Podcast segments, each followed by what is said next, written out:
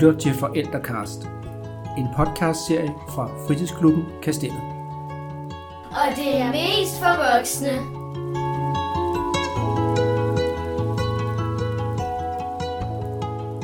Vi kalder den Forældrecast, da ideen bag er lige til.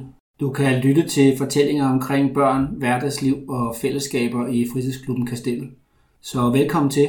Mit navn er Michael, og jeg vil guide dig igennem denne episodes valgte temaer.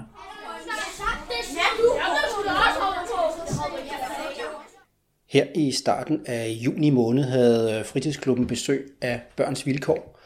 De var forbi med et, øh, en lille workshop omkring digitale fællesskaber, og øh, jeg tog en snak med Pauline, som var fra Børns Vilkår, øh, efter selve mødet. Det er Pauline. Ja, hej Pauline, det er Michael fra Fritidsklubben. Hej. Hej, og tak fordi du havde tid. Pauline, du var jo på besøg hos os her i, i juni måned omkring øh, digitale fællesskaber. Kan du ikke fortælle lidt om, ja. hvorfor børns vilkår egentlig interesserer sig for det? Fordi skulle de ikke hellere tage sig af nogle fysiske problemer? Altså, øh, man kan sige, især her under corona, men også før corona, så det her med at være sammen online er jo blevet meget mere fremtrædende, end det har været før.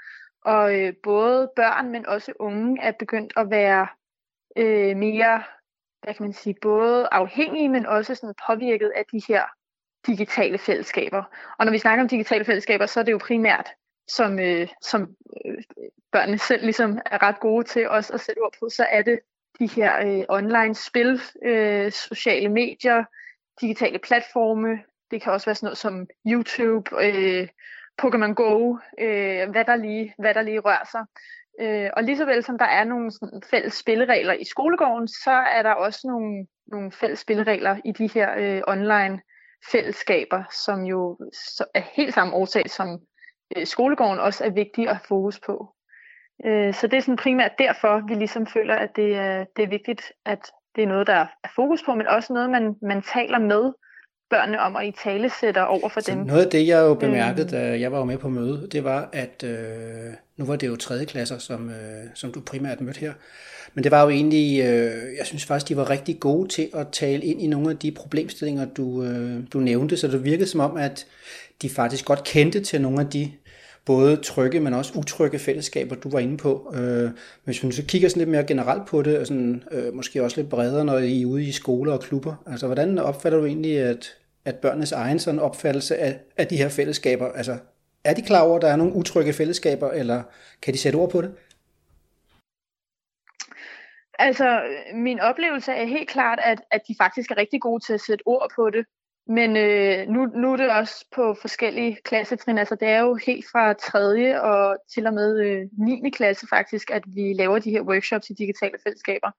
Men uanset klassetrin, så er det som om, at, at alle faktisk er rimelig refleksiv over, at der kan være forskellige måder at være sammen på online, og det netop kan være i trygge fællesskaber, men det også kan være i utrygge fællesskaber.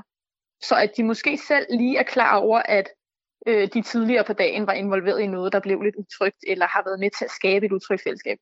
Det, det er ikke altid sikkert. Men netop når vi så kommer ud og øh, sætter ord på, eller inddrager cases fra børnetelefonen, eller fortæller om andre situationer med børn, der har oplevet noget lignende, så, så synes jeg faktisk, de er utrolig gode til selv at koble det til, til noget, de har oplevet, eller netop ligesom sådan, øh, hvad kan man sige, identificere det som utrygt. Altså hvornår det er utrygt, og hvad det er, der definerer et utrygt fællesskab. Det er de faktisk meget gode til, og det var de jo også der, da jeg var ude og besøge jer selv jo, i jeg synes klasse. jo, det var jo øh, både dejligt at høre, men også imponerende egentlig, at de jo godt kendte til børnetelefonen, og når du så tog øh, eksempler op ja. og forklarede dem, at øh, nu kom der nogle, øh, nogle hvad hedder det, ting, de skulle tage stilling til, og det var faktisk ægte opkald fra børnetelefonen, det, øh, det var jo noget, de tog til sig. Ja, og, og især det der med at lave koblingen til børnetelefonen, det er også noget, vi i hvert fald øh, sætter ret stor fokus på, netop for ligesom at aftabuisere nogle af de her problemstillinger eller konflikter, som der kan opstå. Øh, så netop ved at sige, at vi ved faktisk fra børnetelefonen, at der er rigtig mange, der har oplevet, hvad det nu end måtte være, eller ligesom pigen i historien, som jeg læste for jer, øh, så ved vi fra børnetelefonen, at det er sådan, det forholder sig. Øh, så det netop også bliver noget, altså der bliver genkendeligt, og, og, og det ligesom bliver fremlagt som noget, der er okay at snakke om. Så ikke at det er altså noget, der skal sådan normaliseres, men i en eller anden grad, at, at, at det her med, med digitale fællesskaber, og hvis man bliver mobbet på nettet, eller der er nogen, der skriver grimme ting til en, eller man bliver holdt udenfor, eller man ikke har lyst til at spille Minecraft, eller hvad det måtte være, så, så ved man simpelthen, at det er der faktisk også rigtig mange andre børn og unge, der har oplevet, eller har, har på denne her måde, eller har haft de her følelser.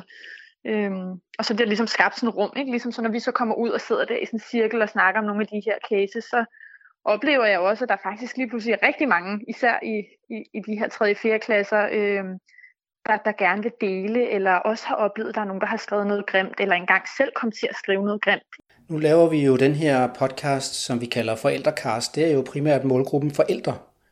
Så nu sidder der ja. nogle forældre og lytter til vores snak her og tænker, jamen øh, jeg ved jo slet ikke, hvad der foregår på mit barns telefon, og hvis jeg oplever noget, hvad skal jeg så gøre? Skal jeg blive sur? Skal jeg blive vred? Og skal jeg ringe til skolen? Og hvem skal, hvad skal jeg gøre? Øh, hvad er jeres gode råd, når forældre mm. ligesom finder ud af, at der måske foregår noget, eller barnet er utryg?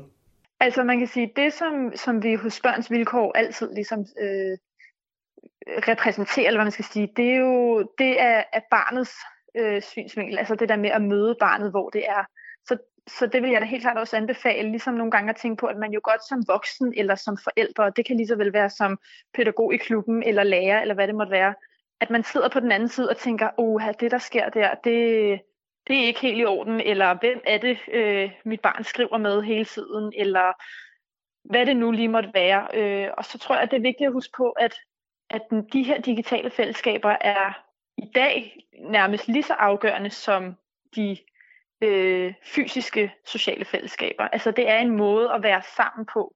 Øh, og mange børn jo også har legeaftaler øh, online, eller har aftalt, at de skal spille sammen, eller er i gang med et eller andet online. Eller... Altså det du egentlig siger, det er, at øh, måske skal man ikke starte med et forbud, men det er måske noget med at lave nogle aftaler, og ligesom få lavet nogle, øh, ja, nogle gode øh, snakke omkring, hvorfor er det, du er med i det her, og, ja. og hvor er det ligesom øh, vores grænser er, og så lave nogle fælles aftaler. Ja. Og øh, jeg har været inde og kigge lidt på jeres hjemmeside, og og jeg må jo også som forældre til nu store børn, men også sige, jamen øh, det rammer jo også lidt tilbage på os, fordi hvis vi siger til børnene, at nu skal de altså lægge deres telefon væk og lade være med at spille hele tiden, og så sidder vi måske selv under aftensmaden lige og tjekker e-mail fra vores arbejde, det, det giver mm. måske også lidt en, en sjov stemning i hjemmet, så aftaler i stedet for forbud, ja. og måske også aftaler i hele familien. Lige præcis, og netop det der med at gøre det, altså at fortalt om det en gang imellem, uden at, at være, altså at være den voksne, der står med en løftet pegefinger og siger, nu, og hvem er det også, og nu skal jeg lige holde øje med dig. Og, men at det bliver sådan et fællesrum, og at barnet så netop selv får lyst til at komme og sige, hvis man oplever et problem, eller øh, har, har brug for noget hjælp, eller hvad det måtte være. Ikke? Så man ligesom også får skabt sådan en, ja, altså, at, at man, man har forståelse for, at, at de her online-fællesskaber faktisk er en utrolig vigtig del i dag af, af det at være børn, øh, der er sammen på og leger sammen øh, og har legeaftaler på den her måde. Og så kan jeg jo også altid sige, at øh, lige så vel som vi har børnetelefonen her inde hos Børns Vilkår, så har vi faktisk også noget, der hedder forældretelefonen.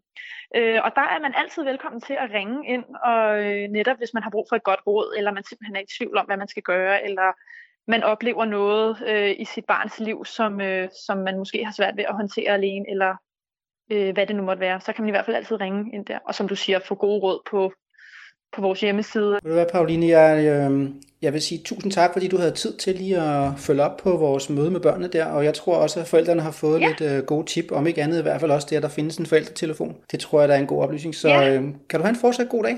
Ja, men øh, i lige måde i hvert fald. Du har netop lyttet til Forældrekast, en podcastserie fra Fritidsklubben Kastellet.